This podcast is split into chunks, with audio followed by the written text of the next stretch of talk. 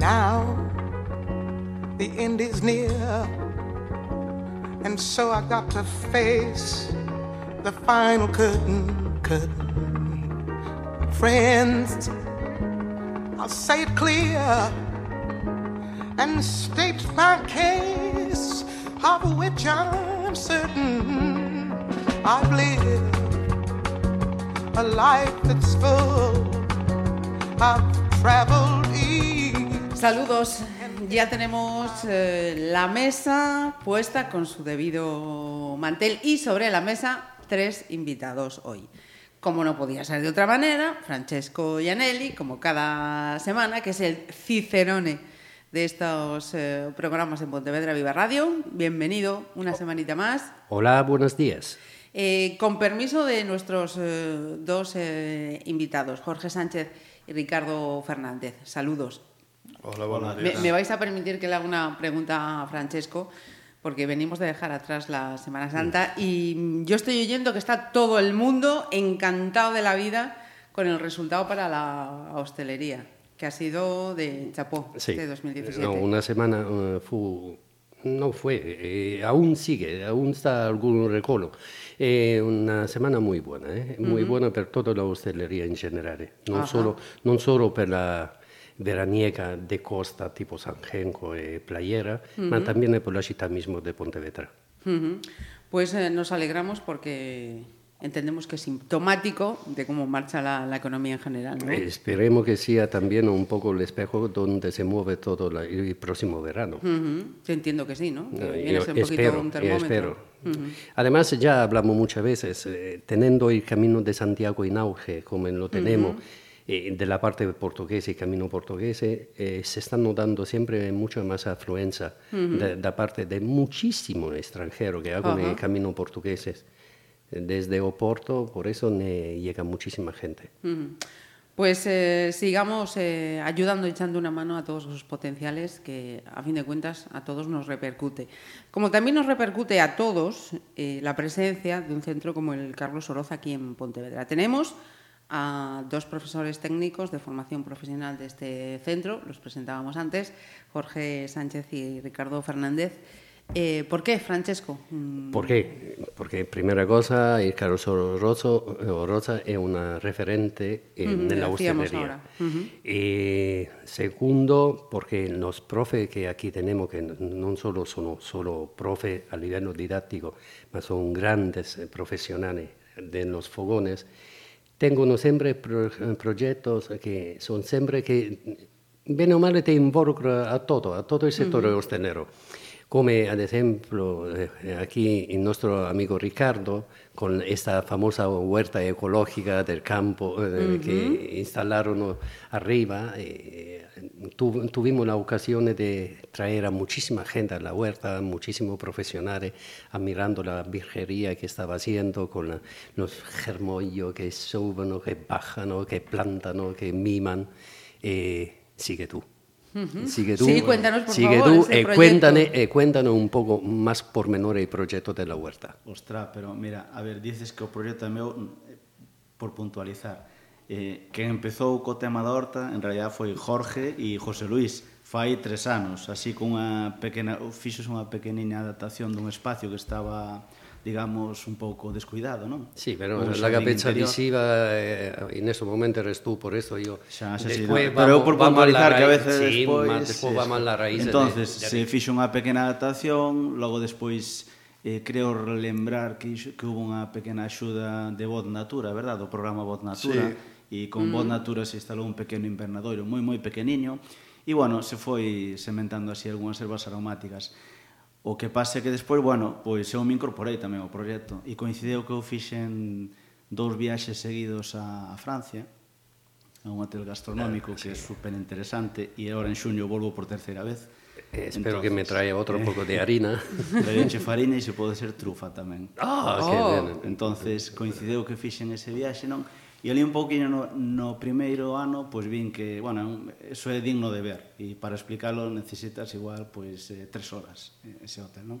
E ele é eh, un, un hotel autosuficiente, non? Entonces, unha das cousas, un dos puntos fortes que ten, que ten eh, unha horta, entonces el se autoabastece, non, non cociña nada nas súas cociñas que non sea que non produto do propia horta. Seu Entonces, eso gustoume, non? No segundo, eh, fun en inverno, que era a época de trufas, e a horta estaba completamente seca, claro, non había nada.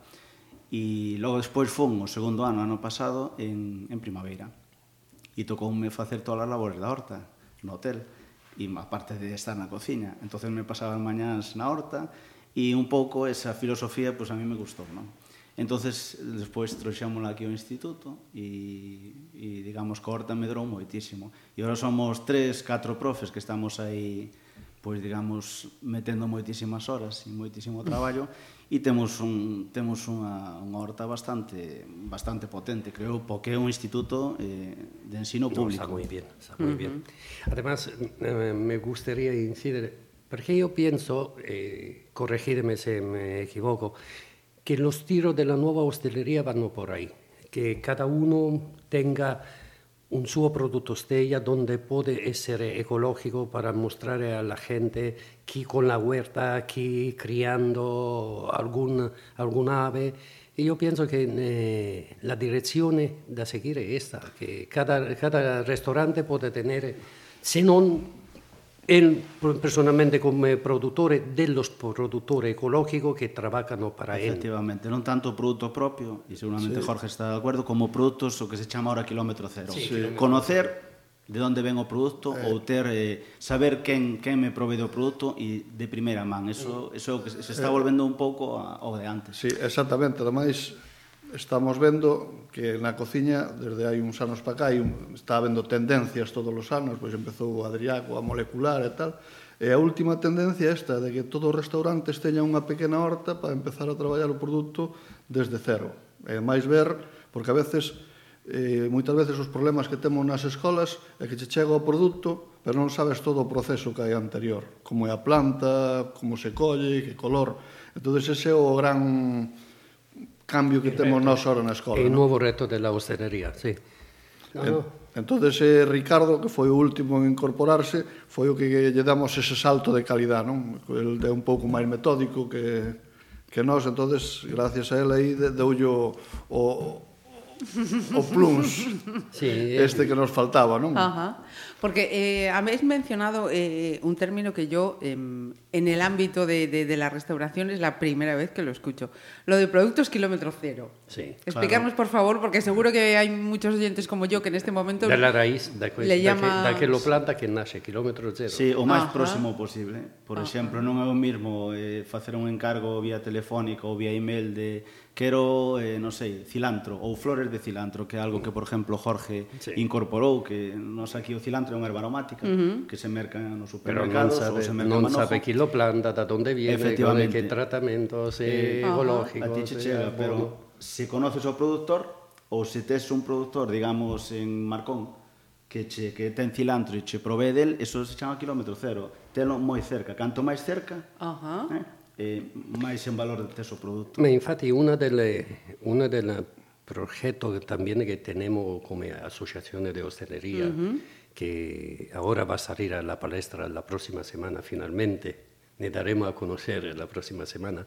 Uno de los proyectos también es esto, eh, creare un, una, sinco- una simbiosi con tantissimi produttori locali, pequeños produttori, o creare delle huertas urbanas donde cada uno pueda te- tener un, troceto de- de- un trozo de, de papel importante nella ristorazione.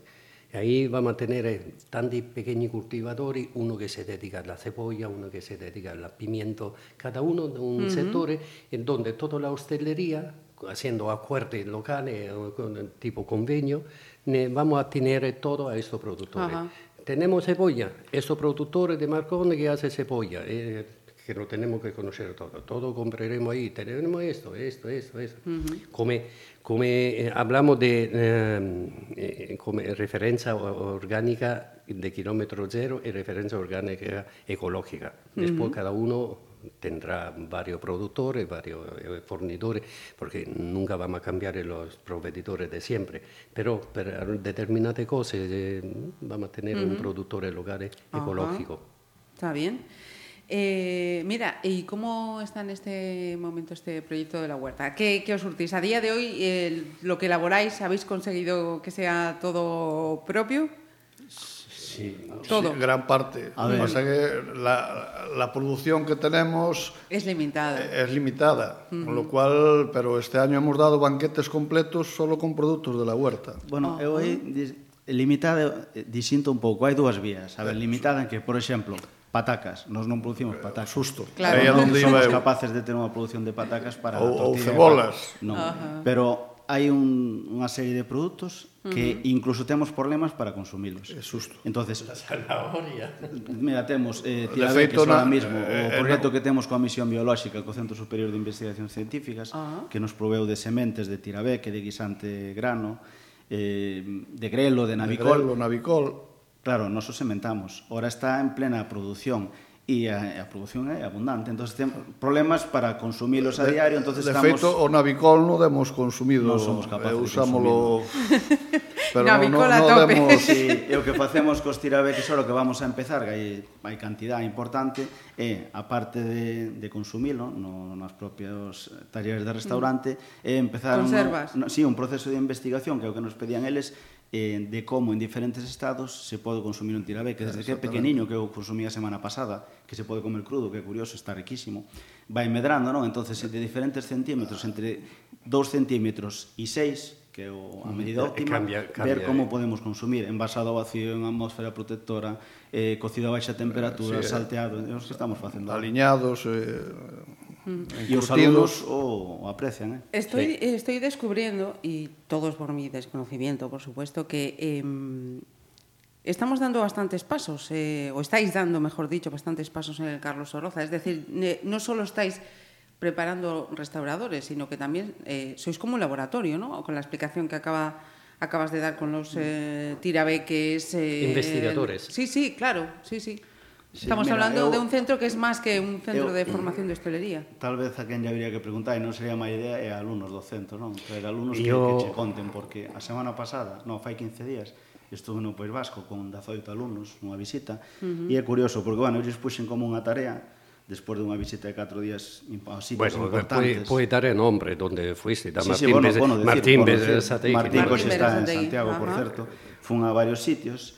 entonces eu lles puxen como entre os rapaces unha especie de portafolio individual, donde uh -huh. ao pasar o viaxe, eles contaran o que fixeron, non? Entonces fomos a un instituto de hostelería que está en Leyoa, en Bilbao, Hombre. un instituto moi importante, sí. moi bo, con gran produción, está ali no medio do campus. Uh -huh. É un, para mí é un instituto insignia, non? Porque os procesos que ten dentro, dentro son super interesantes pos alumnos. E fomos ali, nos lo enseñaron, viron as instalacións que lle gustaron moito, teñen unha pequena horta ali testimonial dentro do instituto, bueno, Despois de Lloa fomos ao Basque Culinary Center. Ajá. Tamén estuvemos ali, encantaron as instalacións aos alumnos, bueno, foi o viaxe foi moi bonito. Entonces, eu lles preguntaba en, en concretamente de Lelloa do Basque Culinari algunhas eh, cousas que a mí me interesaba saber como eles eh, o recibiron, non? Por exemplo, o tema da separación de, de residuos, residuos. Varias preguntas. Sin embargo, non lle preguntei pola horta. entonces eles ponían no que máis lles gustou dos institutos, pois as cousas que máis lles gustaron, lo que menos me gustou.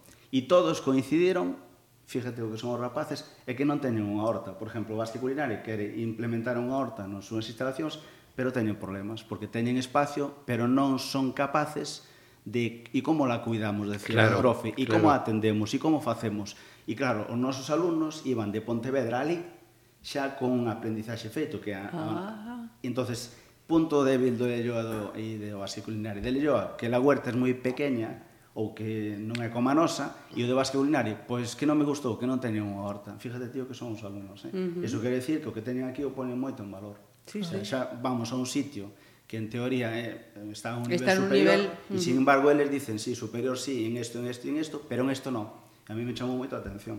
Entonces sí que mm. estamos en, Ademais, empezando eh, algo que ni siquiera en Galicia. A, a, a, ¿eh? nosa, a nosa horta costou, porque ao principio os períodos vacacionales, Eu, as primeiras a, o, o, o, o primer bran, o primer bran foi complicado porque En ese eh, tiempo eh, a horta é moi pequena, eh, as ervas malas crecen e o primeiro ano se non viñéramos de vez en cando nas épocas de vacacións, sí. e agora Ricardo que se implicou máis, como está en Pontevedra, achégase pues sí. moito máis fácil, uh -huh. que que eu que son de Bueu, pois eso tamén axudou a que fora adiante, sí. porque eh, traballouse moito. Sí, no, no, eh, eh el campo non moito, de festivos eh, ni de vacaciones. Susto. Eh, no. Eh, había que regar, pusemos o primer riego, tuvemos que comprar a mangueira, eh, uh -huh. todo eso, hubo un traballo detrás que agora vese pois o traballo de anos.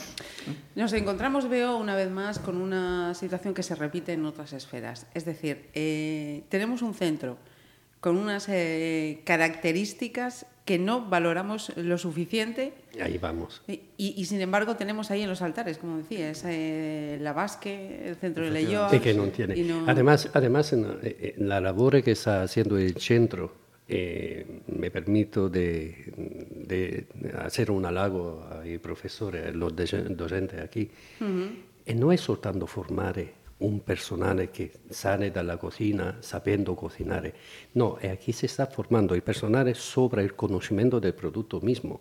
E che acabó la cocina intesa come antes, entrava il cocinero o iba a fare la compra, dame esa lechuga, esta, esta, esto, però che non te sapeva dire la ce- que propiedad dónde, tiene, no, non solo de dónde viene, pero però propiedad tiene, que te aporta una lechuga, que te aporta una cebolla, todo eso va cambiando. Y luego, decía antes, o, logo está o elemento diferenciador, que é importante para os alumnos, non? Como facerse diferente no mundo laboral. Eu dicía antes o da flor do cilantro, e non sí. o dixen intencionadamente, porque o cilantro é unha erva aromática que atopas en calquer lado cortada en bolsa, en bolsa ou sí. incluso en planta, non? Uh -huh. Vas a calquer sí. Eh, super, e ves uh -huh. o cilantro. Sin embargo, o cilantro cando medra un montón, e iso aprendino de Jorge. Jorge todo eso foi profesor meu no instituto, non sabía. Bueno, aprendino de Jorge porque o cilantro cando medra, pois espiga e logo chega un momento que bota a flor. Claro. Bueno, entonces él empezou a coller a flor e ponela así un toque en un plato, dalle un toque eh, aromático, pero non tan potente. Platos. Pero claro, quen consigue flor de cilantro? Ah, Donde se consigue flor de cilantro? Pois resulta que non hai.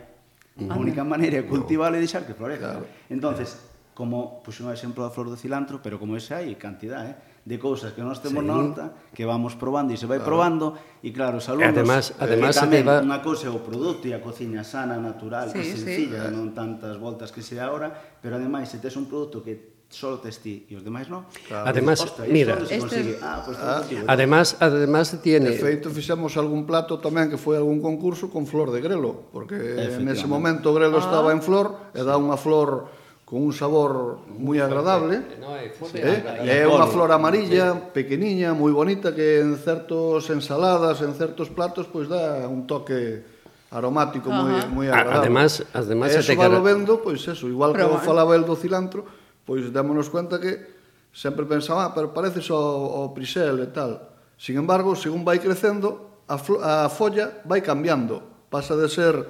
eh, de tres puntas como a do Prisel a ser como a do hinojo de fíos. Una, sí. Se va, según vai crecendo, a folla vai cambiando, co cual ten características tamén Diferente. distintas. Ajá, Además se te curioso. garantiza eh, la continuidad del producto, porque la flor va a ir recogiendo semilla, eso yo lo hago con la rúcula. Yo dejo siempre, eh, con la rúcula, te dejo, tenemos rúcula casera nosotros, cuando quiero un poco te la doy. Semilla. Se- semilla, Brotas, semilla, semilla nos italiana, semilla italiana muy buena. No, te- yo tengo la semilla italiana muy buena, de hoja larga, grande. Y ahora cuando nosotros, porque mi mujer cultiva, cuando es en la rúcula dejamos siempre una- con un pouco de plante aí que se van espigando algunos flores, semillas, xerregórgono, se hace semillas. Pois ese elemento diferenciador, os alumnos que están no centro os teñen a sorte de que esa, esa, esa enseñanza que non está nos currículos oficiales. Sí, pero claro. tenemos... Unha cosa que obligatoriamente, es un plus, cosa, como un plus, tenen a sorte de que de alguna maneira o levan dentro. Pero... E sin darse conta, en algún momento, os que se dedican a hostelería, van eso, a poder incorporar. Incorporando. Pero tenemos la suerte de tener lo que tenemos e tenemos la mala suerte que non todos se atingono a la suerte que tenemos. E eso que, que quiero mm. decir con eso. Que tenemos a una reticencia de muchísimos restaurantes o restauradores que non se acercano al centro por eh, stare informado, per eh, tener una parte de collaborazione con ellos. eh, Eso, eso se tiene que dar, visualizar y ponerlo en énfasis más veces.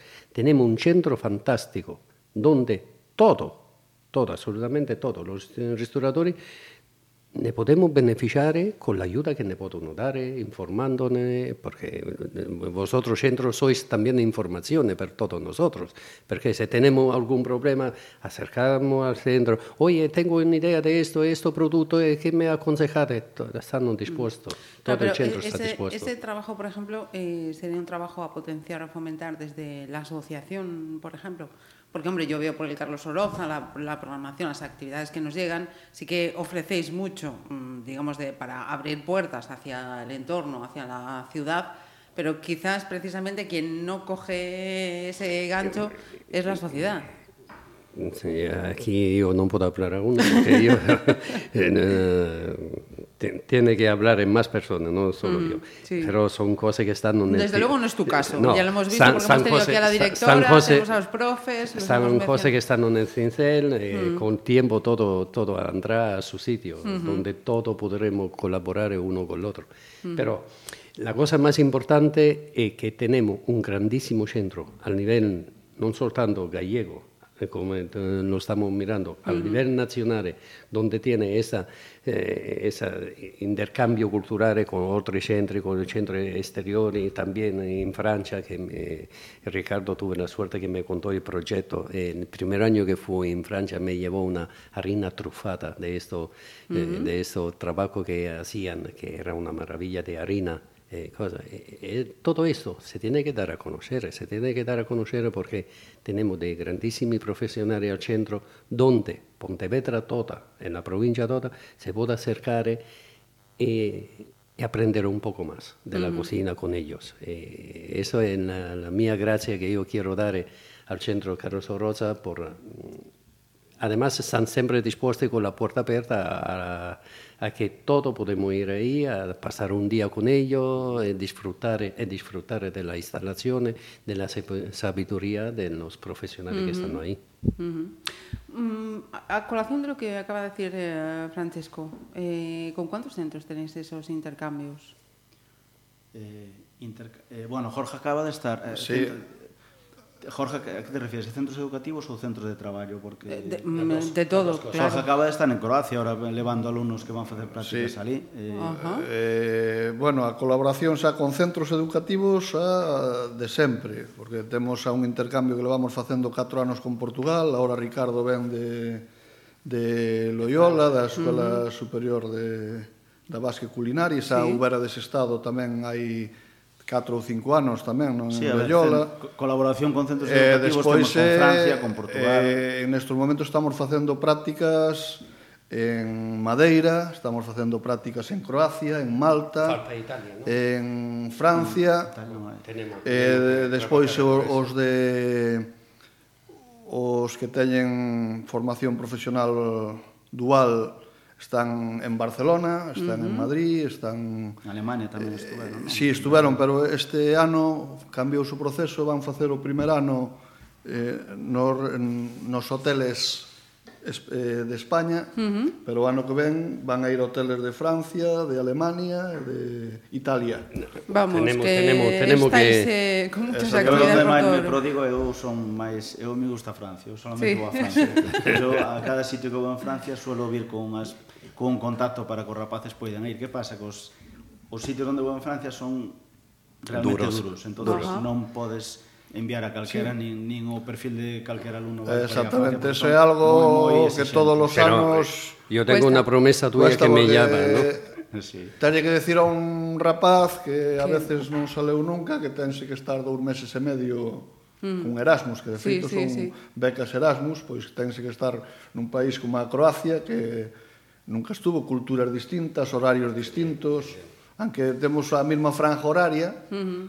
as horas sí, de, de, es... de acostarse e deitarse non son as mesmas. Pero eso é en toda Europa, solo aquí tenemos un horario distinto. En toda Europa es lo mismo. Yo muchas veces digo siempre, oye, Italia y España son muy parecidos, muy parecidos, pero cuando estoy formando a la gente que, del Erasmus para ir en Italia, para, a nivel lingüístico, ¿no? Uh -huh. yo, siempre yo le digo, oye, Acordatevi que ir ahí y cambia toda la vida, porque ahí a las 8 ya está todo abierto, ya está todo funcionando, a las 5 ya está todo cerrado, cosas. Uh eh, -huh. en los restaurantes. En, en, Croacia entraban, entraban ás 6 da mañán, co cual tiñanse que levantar ás 5. Ás 5 da mañán, cando eu me vin a hora da lá, eh, prácticamente de día. Sí, sí. Claro. As, eh, claro, ás 8 da noite, se queres dormir, se queres dormir 8 horas, se te levantas ás 5, ás 10 da noite tes que estar deitado, sí, cando aquí ainda estamos cenando. ¿no? Al, al nivel del restaurante, eh, la mañana a las 12 y media los restaurantes cierran.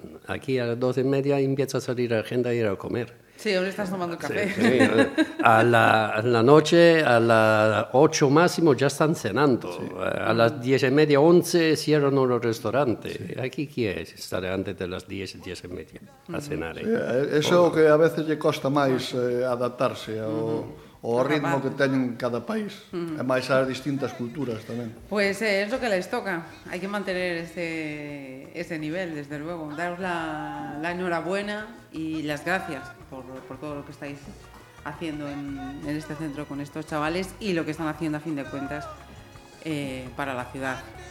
Que Para todo, para, para hostelería en general. eh. Jorge, Ricardo, Francesco, muchísimas gracias y hasta una próxima ocasión, seguro, no lo dudo. Hasta luego, chao. Hasta- Gracias a vos.